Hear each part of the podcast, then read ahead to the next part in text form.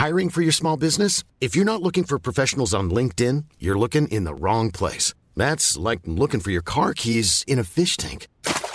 LinkedIn helps you hire professionals you can't find anywhere else, even those who aren't actively searching for a new job but might be open to the perfect role. In a given month, over 70% of LinkedIn users don't even visit other leading job sites. So start looking in the right place. With LinkedIn, you can hire professionals like a professional. Post your free job on linkedin.com slash people today.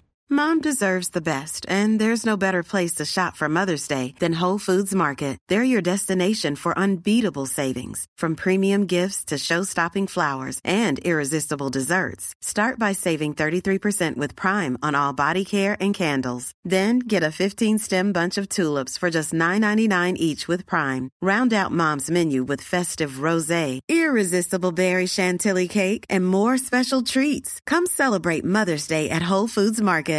Mother's Day is around the corner. Find the perfect gift for the mom in your life with a stunning piece of jewelry from Blue Nile. From timeless pearls to dazzling gemstones, Blue Nile has something she'll adore. Need it fast? Most items can ship overnight. Plus, enjoy guaranteed free shipping and returns. Don't miss our special Mother's Day deals. Save big on the season's most beautiful trends. For a limited time, get up to 50% off by going to BlueNile.com. That's BlueNile.com. Spara för framtiden men också leva nu. Det är väl en devis många av oss vill leva efter. Idag blir det en crash course i fonder men också i hur man lägger upp sparandet över livets alla skeenden. Du lyssnar på Smarta Cash, podden som peppar till en bättre ekonomi och rikare framtid.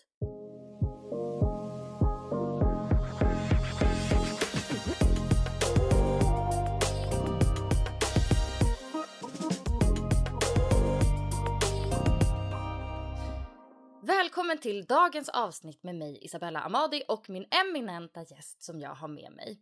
Elin Wiker är analytiker på Humle Fonder. Välkommen hit! Tack så jättemycket! Vad kul att vara här.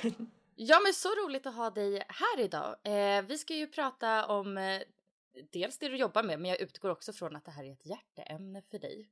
Absolut. Sparande, fonder, allting. Det berikar livet på många olika sätt. Ja, verkligen. Eh, och du ska ju få lära ut både lite så här the basics, men det kommer också vara inspirerande för den som redan har ett fondsparande.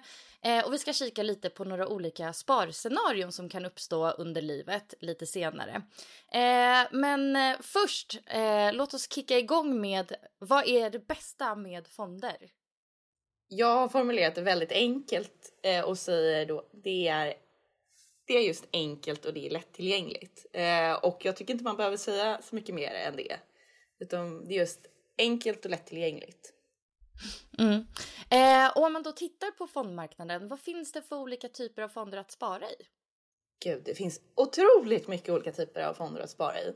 Eh, du har allt ifrån aktiefonder till räntefonder till blandfonder. Sen så har du också olika specialfonder eh, som kan vara nischfonder gällande en speciell marknad eller och en liksom, speciellt område geografiskt eller liksom en bransch. Så att det finns mycket i det och sen så finns det också eh, inom det här så finns det också två olika typer. Det finns ju aktivt förvaltade och passivt förvaltade där en aktivt eh, aktivt förvaltad fond är en fond som har en förvaltare som aktivt liksom förvaltar fonden eh, och då ska slå ett jämförelseindex medan en passiv fond istället följer ett underliggande index. Liksom. Mm. Eh, och vad är liksom fördelarna versus nackdelarna med förvaltade fonder och indexfonder? Eh, ja, det beror på liksom allting går ju tillbaka till vad du vill uppnå och vad vill du ha för typ av fond och vad vill du ha för typ av avkastning? Vilken risk vill du ha? Vilken risk kan du bära? Eh, så att en aktivt förvaltad fond är fördelen med att du har en person eller flera ett team som jobbar med en fond liksom, på daglig basis som förhoppningsvis liksom, tar optimala beslut även i, i alla typer av olika situationer som liksom, nu är nedgång förhoppningsvis sitter du med en förvaltare du kan känna dig trygg med som du kan lita på tar bra beslut liksom nu när det skakar lite på marknaden. Eh, och har du en aktivt förvaltad fond kan du också förhoppningsvis känna dig som sagt trygg och därför liksom inte börja sitta och sälja på botten till exempel. Utan du fortsätter med ditt månadssparande som vi kommer komma in på sen eh, och känner dig bekväm med det. Eh, Medan en passiv liksom, fond kan vara superbra om du bara vill ha en bred täckning, till exempel en global indexfond. Eh, men det finns också, tänk en aktivt placerad eller en aktivt förvaltad fond. Då har du till exempel småbolagsfonder eh, i Sverige. Det är lite svårare, eller det finns, där finns det att liksom ha en nisch eller en USP. Det är kanske till skillnad från liksom större bolag. Att det är Eh, en marknad som inte är lika täckt av till exempel analytiker och så vidare. Så att förhoppningsvis så kan man då uppnå den här överavkastningen för att man kan liksom hitta guldkornen. Eh, och så. Mm, just det. Eh, om vi tittar på aktiefonder då, som många sparar i på lång sikt. Eh, så vad kan man botanisera i för olika typer där? Finns otroligt många, vilket är jättekul. Eh, tyvärr tror jag inte vi hinner gå igenom alla olika typer, men jag tror vi kan liksom ta oss igenom några. Eh, och då tänker jag att vi har småbolagsfonder, eh, både liksom på svenska marknaden men också internationellt, EU, USA och så vidare. Eh, och du har teknikfonder till exempel, eller alltså branschspecifika fonder. Eh, där Teknikfond är ett exempel. Eh, du har specifika liksom, landsfonder eller områdesfonder som liksom, en USA-fond eller en emerging markets-fond. Eller en Nordenfond. Eh, så att det finns väldigt brett, precis som det finns supernischat också. Det är ju liksom, om du är jätteintresserad av hållbarhet så finns det specifika fonder liksom för just ja, typ grön energi eller om du är jätteintresserad av hälsa och biotech, ja men då finns det fonder för det. Så att det finns verkligen fonder för precis allt som du kan vara intresserad av. Och skillnaden där är ju då om man jämför med att investera i aktier, det är ju att man får ju såklart då flera bolag eh, som är intressanta där. Eh, men det här med aktivt förvaltade fonder och indexfonder, eh, alltså hur ska, man, hur ska man tänka med sin portfölj? Ska man ha lite av båda eller köra bara på den ena? Så hur kan man resonera kring aktivt versus index? Jag brukar köra ett, ett, liksom, ett typexempel att köra till exempel en småbolagsfond som är aktivt förvaltad och kanske en global indexfond. Då får du både det passiva och det aktiva. Du får både väldigt brett men du kan också få exponeringen mot lite mer nischat där också tillväxten brukar vara betydligt högre. Det är därför små, svenska småbolag är superfint. Liksom. Eh, och om man liksom ska konstruera en fondportfölj så räcker det med två, tre stycken fonder. Eh, men de, får inte, de ska inte vara samma typ av fond. Liksom. Utan det är superviktigt att okay, om jag väljer en småbolagsfond ska jag inte välja en till liksom, småbolagsfond av samma typ. För det gör ingen nytta. Då har du inte diversifierat som är liksom, favoritordet inom det här för att dra ner på riskerna. Utan då har du ju samma typ, så då bär du samma risk. Eh, så två av samma gör ingen nytta. Men det fina också om du säger att du har tre fonder, du har en global indexfond, en småbolagsfond, så kanske du som sagt är jätteintresserad av hållbarhet och grön energi. Ja, men då kan du få, eh, då kan du välja in liksom den fonden också och få en liten exponering mot den sektorn. Eh, så att jag tänker mig att det är så man kan tänka. Sen så är allting individuellt och vad man vill uppnå och så vidare. Finns det några branscher som du tycker är särskilt intressanta just nu? Jag tycker allting som är inom strukturella trender som man liksom kan observera i samhället, precis som jag tror du, jag, alla liksom ser vad som händer, till exempel då digitalisering eh, och hållbarhet. Eh, det är två sektorer och branscher som liksom rör sig väldigt snabbt framåt. Och även om du och jag sitter liksom med mobil varje dag i handen så finns det fortfarande marknader som är väldigt underdigitaliserade fortfarande och vi har hela 5G liksom, sektorn som ska möjliggöra liksom, bättre för industrin och så vidare. Och hållbarhet är ju liksom ett måste nu. Så att eh, de två sektorerna tror jag är superintressanta. Så man, man får tänka liksom på ett större plan, liksom, vart rör vi oss mot? Precis. Jag brukar i alla fall göra det. Det är det, de branscherna jag brukar tycka är extra intressanta för att det, då händer det väldigt mycket där. Mm. Ja, eh, alltså det ledde mig in lite på alltså just när man då ska välja vilka fonder man ska ha i sin fondportfölj. Alltså hur väljer man? Alltså vilka parametrar är viktiga att eh, ta med i beräkningen när man väljer ut? Det är jätteviktigt att du själv funderar på vad, vad är din placeringshorisont? Vad är den riskprofil du vill ha? Eh, och vad är du intresserad av? Liksom. Eh, så att det är det jag tänker är viktigt när man liksom konstruerar en fondportfölj. Eh, att tänka på. Eh, och att just diversifiera som vi pratade om. Att det, det, finns ingen mening med att ha två likadana fonder. Då, då kan du lika gärna köpa den fonden du tycker bäst om och sitta med den istället. Mm. Hur många fonder ska man ha? Två till tre. Det är rätt bra. Räcker det? Det är rätt bra. Sen så kan man ju slänga in lite extra. Eh, om man vill liksom ha en liten spice av att ha, ja, eh, en specialfond som är jättenischad på den här marknaden eller du tror starkt på emerging markets, ja men då vill du ha med lite det också in eller en extra exponering mot det. Så att, eh, men generellt sett skulle jag säga att 2 till 3 räcker väldigt bra.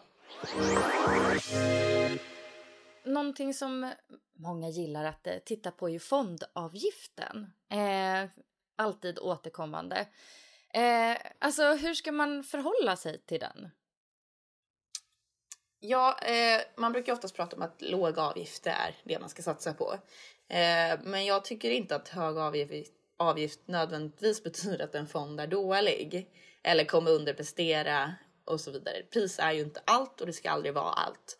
Eh, men en hög avgift ska också kunna motiveras med ett mervärde och det är superviktigt att det kan motiveras med det.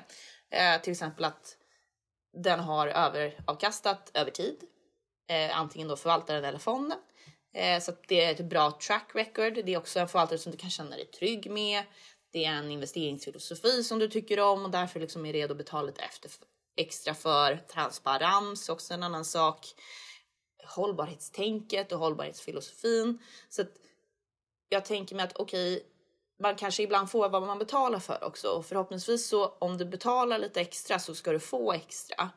Eh, och att extra inte alltid bara innebär avkastning. För ibland så kommer fonder med lite högre avgifter att underprestera. Men då ska de kunna ge dig någonting annat också. Så att du känner dig trygg med det ändå. Just det, och då kan man ju själv sitta och jämföra fonder. Säg, säg att man tittar på olika Sverigefonder till exempel, både aktivt förvalt, förvaltade eller passivt förvaltade. Då kan man ju både då sitta och titta på eh, hos eh, nätmäklarna eh, utvecklingen som har varit på sikt, hur de har liksom klarat sig jämte mot varandra, men också då de här andra faktorerna som du menar på lite så här. Det skulle ju kunna vara kanske en fond som väljer bort eh, oetiska bolag i en aktivt förvaltad men som kanske eh, letar sig in då i en indexfond till exempel. Precis. Eh, det har du helt rätt i. Och när man kollar avkastningen på de flesta plattformar, eller det, det ska redovisas efter avgift. Så att den prestationen som en fond visar är efter avgift. Så därför är det väldigt enkelt att jämföra alla. Mm. Hur funkar fondavgiften sen då? Alltså, när dras den? Det är en väldigt bra fråga. Det här är ju, alltså fondavgifter är ju lite snårigt. Men generellt sett så brukar man säga att fondavgiften dras liksom varje dag. Eh, och det är en liten avgift som delas upp liksom på 365 dagar och därför dras löpande. Eh, och det finns tre olika mått eller som man, ska, som man kan kolla på. Eh, där vi har till exempel då förvaltningsavgiften, vi har rörliga avgiften, eh, eller förlåt, årliga avgiften och totalavgiften. Eh, men vi skulle kunna snabbt bara gå igenom dem så att man liksom får lite grepp om det. Eh, fondbolaget tar ut liksom avgifter för att förvalta, eh, förvara, distribuera, administrera fonden, sköta fonden. Liksom. Och det är det som kallas förvaltningsavgiften. Eh, men sen så brukar man också prata om den här årliga avgiften. Eh, så utöver förvaltningsavgiften ingår även kostnader för marknadsföring till exempel, eh, rådgivning. Eh, och totala avgiften kommer sen och det innefattar liksom allt det jag precis pratade om.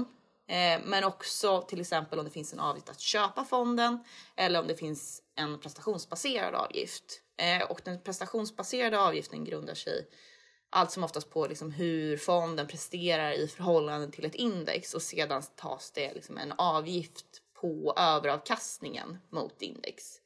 Eh, det är kort beskrivet, men alla fondbolag och så vidare redovisar här så ser man liksom ah, prestationsbaserad avgift. Då kan man alltid läsa på lite extra av vad det innebär för just det fondbolaget och den fonden.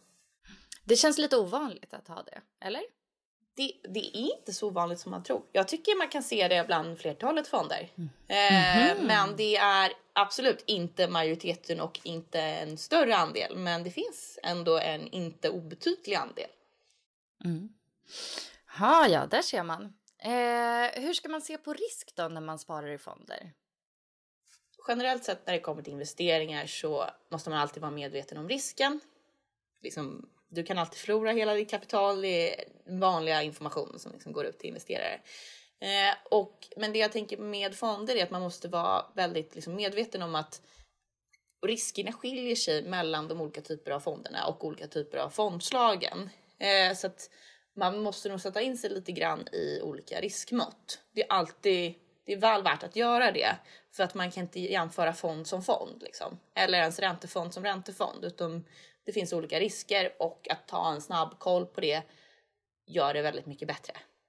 Ibland kan det ju stå på banken så här, eh, typ så här hög risk 5 till 7 år till exempel. Räcker det att ha koll på det? Det är, ja, så det är ett bra första steg så länge du har koll på det. Men sen så tycker jag att man också kan kolla lite närmare, till exempel räntefonder så pratar man ofta om duration.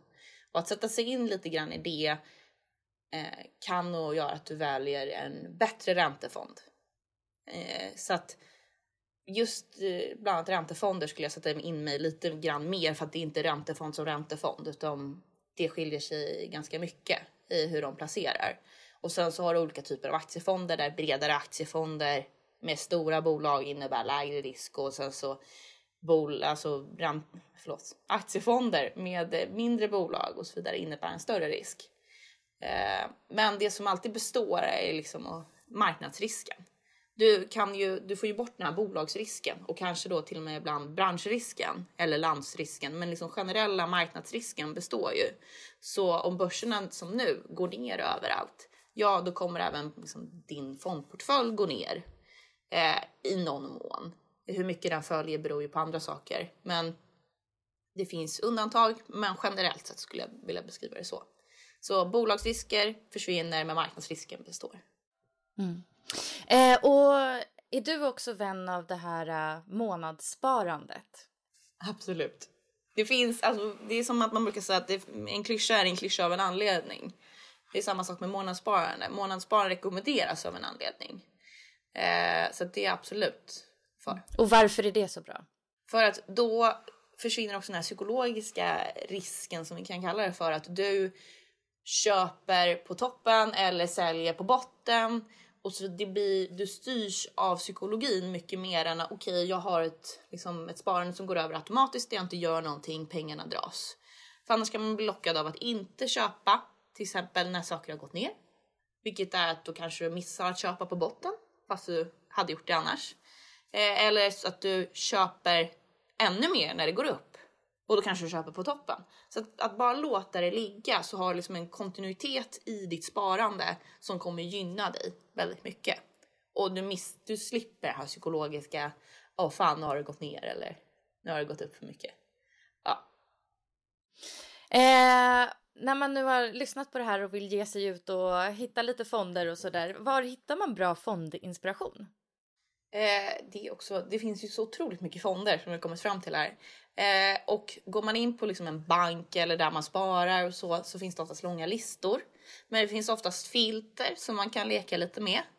Både på geografi eller liksom vad för typ av fond och liksom bransch.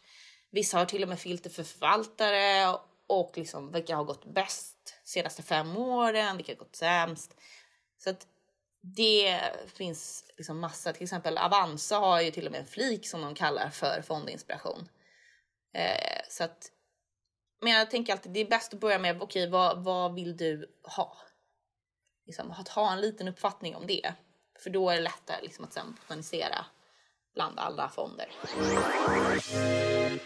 Låt oss prata lite om eh, sparandet under hela livet. Alltså, man brukar ju säga att man ska spara på börsen då med lång sparhorisont.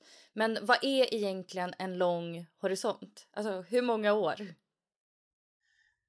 Det är en bra fråga, men jag skulle säga fem år. Om du ska liksom ta lite högre risk så fem år, det är bra. Då gör det inte dig att det skakar lite då och då. Härligt. Okej, jag har satt ihop tre stycken olika sparscenarion eh, som jag tänkte att vi kan titta på nu. Eh, så alltså hur då kan man resonera eh, kring hur man lägger upp sparandet i de här olika? Eh, första scenariot, eh, spara till pensionen. Eh, säg att man är kring 30, eller man är i alla fall långt ifrån pensionen fortfarande. Eh, hur kan man lägga upp ett bra sparande för sin framtida pension? Jag hade gjort så att jag kanske hade valt två fonder då. Eh, till exempel då tillbaka till ja, en global indexfond och en svensk aktivt förvaltad småbolagsfond. Eh, för då känner jag att jag får en bra täckning och det är relativt hög, eller det är hög risk Eh, och eftersom man har så lång liksom, placeringshorisont så är det det du vill ha. Och innebär det då också att du tycker att det inte räcker med liksom den statliga pensionen och tjänstepensionen utan man borde ha ett eget pensionssparande? Ja, alltså, ja det var inte ens att jag förstod att vi inte pratade, att vi bara pratade statens pension. Nej, du har ett eget sparande. Det, det ska du ha. Det, du skadas inte av det kan man säga. Utan du får se det som liksom, uppskjuten konsumtion är ju en klassiker. Eh, att det du inte konsumerar idag kommer du istället då kunna konsumera när du går i pension. Och att kunna leva ett ganska gott liv. För att de flesta klarar sig inte på pensionen som man sparar ihop. Eller levnadsstandarden kommer behöva sjunka i så fall. Eh, så det är absolut rekommenderar det. Och sen så visst man är 30 men sen så går tiden och du kommer antagligen eller du ska justera ditt sparande efter tid.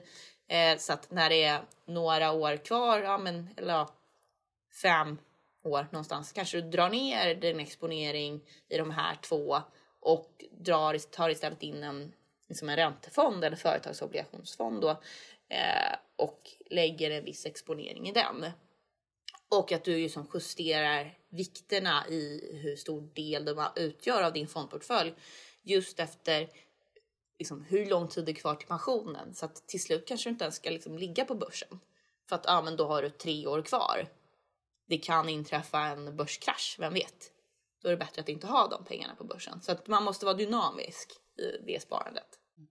Hålla mer koll när det närmar sig helt enkelt. Precis, tills dess. Det är, har du 10 år kvar, ja, eller 20 år kvar, du behöver knappt kolla liksom. Mm. Eh, scenario två eh, att spara till barnen. Eh, hur kan man tänka där? När ska man börja? Hur mycket ska man spara? Jag skulle säga börja direkt. Sätt in pengar vid födseln liksom. Eh, för att det, tiden är din bästa vän när det kommer till liksom, investeringar eh, och att investera på börsen. Eh, och hur mycket man ska spara, spara det du har möjlighet till. Ehm, det är, allas ekonomiska situation skiljer sig åt. Eh, jag har liksom ingen siffra eller ens procent att säga till dig som liksom funderar på det här. Men liksom generellt, spa, alltså fundera på vad du kan avvara eh, och vad känns liksom lagom. Och sen så kör du på det. Och kör på fonder eh, på samma sätt som tidigare. Eh, fundera på vad är planen med pengarna? Är det att jag sparar för att det här ska vara ett långsiktigt sparande som de har sen eller sparar jag för att de ska kunna köpa en, liksom en lägenhet sen? Liksom, vad är planen? Eh, och sen anpassa liksom, fördelningen i fonder efter det. Och sen så kanske slänga in, aha, jag tycker det här är lite kul eller mitt, eh, ja, men, mitt barn är intresserad av det här, ja men då kanske jag köper in den här fonden. Någon som är superteknikintresserad, ja men då kör vi på en teknikfond också. Eller ja, mitt barn älskar eh, ja, Japan. Jag vet inte. Eh, du köper det liksom också. Så att det, det är ett fint liksom, inslag man kan ha också. Mm. Ja, och verkligen det här också med att man kanske inte behöver spara till liksom eh, en klumpsumma till att barnet blir 18 utan det kan ju också vara pengar som man ska använda tidigare. Alltså barnet kanske kommer ha en, en dyr hobby, typ hästar eller vilja köpa en moppe. Kanske att det här sparandet ska gå till eh, större inköp under uppväxten också och inte nödvändigtvis måste vara en liksom, del av en framtida kontantinsats. Som jag vet att många oroar sig för bostadsmarknaden för sina barn i framtiden. Liksom. Eh, men bostadsmarknaden kan också förändras med tiden, vem vet? Absolut. Så att eh, helt rätt. Eh, men det viktiga är då att man liksom anpassar sparandet efter liksom det eller kan vara beredd på det också. Scenario tre då. Eh, att spara på obestämd framtid. Alltså, tänk att man vill ha ett rullande sparande men sparmålet är egentligen oklart. Horisonten lite oklar också. Alltså hur bygger man upp en bra pengamaskin? Det är en superbra fråga. Eh, när jag hör ordet pengamaskin eh, så brukar jag tänka liksom på, eller generellt sett brukar man då prata om eh, bolag eller fonder liksom som har hög direktavkastning eller som alltså delar ut en stor del av vinsten. Eh, så det är ju ett alternativ.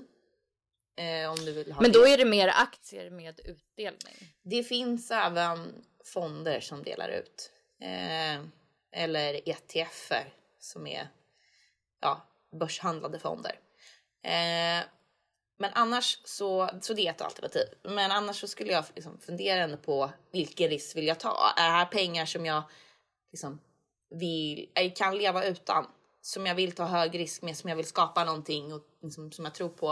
Eh, eller är det någonting att jag vill kunna ha det här sparandet om liksom, tio år och vara redo att liksom, tacka för mig i jag vet inte, en relation eller på ett jobb och liksom det här fuck off kapitalet som man brukar kalla det för.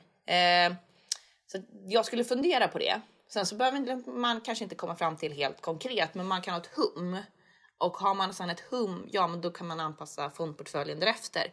Vill jag ta superhög risk i det här sparandet? Eller vill jag vara lite mer försiktig? Och att sen liksom bestämma sig för hur man placerar efter det och skapa en fondportfölj liksom efter det. Gud vilka bra eh, tips! Eh, alltså, vilka misstag tycker du att man ska undvika när man investerar? Att göra för mycket transaktioner. Eh, speciellt nu om vi bara pratar liksom fonder så är det så att om man köper och säljer för hackigt och för ofta så är risken att man råkar tajma en botten eller en topp och det finns statistik då på att personer oftast liksom förstör sin egen avkastning genom att köpa och sälja för ofta. Och för att man gör det mest på känsla. Eh, och det är ju dumt att liksom få lite färre procent i avkastning bara för att du började liksom köpa och sälja lite för mycket. Eh, så det är en klassiker. Så att kör man istället ett månadssparande, automatiska insättningar så slipper man som sagt, vi pratar om den psykologiska biten. Eh, så att det är ett misstag jag skulle undvika. Och generellt ta, ta tips med en nypa salt. Eh, speciellt då liksom, specifika bolagstips. När de bara, ja ah, men den här aktien, den är grym. Den kommer fyrdubblas inom närmaste veckorna. Eh, en av tio gånger eller en av hundra så kanske det är så. Men det här nio av tio gångerna så liksom går den till noll istället. Så jag skulle vara superförsiktig med sådana tips. Mm. Gud vad bra. Eh, men om man då har en fondportfölj eh, och sen så börjar man märka här, hmm, här är en fond som inte riktigt presterar. Eh, hur mycket tid ska man ge en fond som inte liksom levererar det man har förväntat sig? För samtidigt som man då sparar på lång sikt så vill man sitta still i båten men man vill ju heller inte liksom eh, hänga med på en katastrofresa neråt. Nej, eh, och jag tänker att det beror också lite på. Varför presterar den inte? Är det så att hela marknaden eller sektorn inte presterar? Eller är det fonden i sig som underpresterar? Eh, och det kan man ju jämföra genom att liksom ta liknande fonder och kolla den relativa avkastningen däremellan. Se hur graferna rör sig. Ja, men okej, de rör sig ganska lika. Ja, men då är det nog inte fel på min fond kanske, utan då är det fel på hela marknaden om man ska säga så. Eh, men om det är så att det är stort gap mellan fonderna, ja, men då ska man inte heller sitta på någonting som är liksom för dåligt. Eh, och, men då tänker jag att då måste man liksom kolla över tid. Så att, ja, ett år. Liksom. Eh, att göra avstämningar med en gång per kvartal, kanske ha någonting, okej, okay, nu ser det här lite konstigt ut, den har underpresterat liksom sen längre tid tillbaka. Jag har en on hold, okej, okay, vi kollar nästa kvartal. Då kanske man till och med kan fundera på, ska, ska, vi, ska vi slänga ut den här nu? Eh, eller och byta ut den mot en annan fond om den andra fonden har presterat betydligt bättre. Liksom. Så att eh, man ska ju inte heller sitta och liksom blunda. Utan sitta, utvärdera men göra det så rationellt som möjligt. Så att ha specifika punkter, ja men en gång i kvartalet till exempel. Ja, det är ju klurigt för det är ju rätt, lätt att eh, agera på sina känslor eh, och sådär. Kan vi inte avsluta med eh, dina bästa tips för att lyckas med sitt fondsparande? Kontinuitet. Det är nästan så enkelt tänkte jag säga. Men har du liksom gjort grunden? Har du hittat fonder som passar dig och passar din placeringshorisont och din riskprofil? Så är det bara kontinuitet som gäller. Både kontinuitet med att du gör månadssparande och sätter in liksom det, det du har råd med eh, varje månad. Eh, och att du också kontinuerligt utvärderar fonderna. Så att kontinuitet, har du gjort grundbulten liksom, då är det kontinuitet som gäller bara. Mm. Då säger vi väl så då. Tack så jättemycket för alla dina kloka tankar ja, Elin. Tack själv, jättekul att få vara med, verkligen. Så roligt. Om, äh, finns du någonstans att följa om man vill ha mer av dig? Eh, jag finns ju på Twitter. Eh, fantastiskt forum om man vill lära sig mer om investeringar. Eh, Viker Elin tror jag heter där. Eh, söker man på Elin Viker så kommer jag upp. Så att det, det, där hittar man mig. Jag är rätt aktiv. Så att, eh. Härligt! Eh, och den här podden hittar du också på Instagram Smarta Cash Podcast. Tusen tack till dig som har lyssnat på det här. Vi hörs igen nästa vecka. Hej då!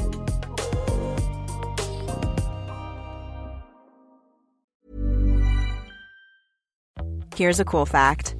A crocodile can't stick out its tongue. Another cool fact, you can get short-term health insurance for a month or just under a year in some states. United Healthcare short term insurance plans are designed for people who are between jobs, coming off their parents' plan, or turning a side hustle into a full time gig. Underwritten by Golden Rule Insurance Company, they offer flexible, budget friendly coverage with access to a nationwide network of doctors and hospitals. Get more cool facts about United Healthcare short term plans at uh1.com. Imagine the softest sheets you've ever felt. Now imagine them getting even softer over time. That's what you'll feel with Bowl and Branch's organic cotton sheets. In a recent customer survey, 96% replied that Bowl and Branch sheets get softer with every wash. Start getting your best night's sleep in these sheets that get softer and softer for years to come. Try their sheets with a 30-night guarantee. Plus, get 15% off your first order at bowlandbranch.com. Code BUTTERY. Exclusions apply. See site for details.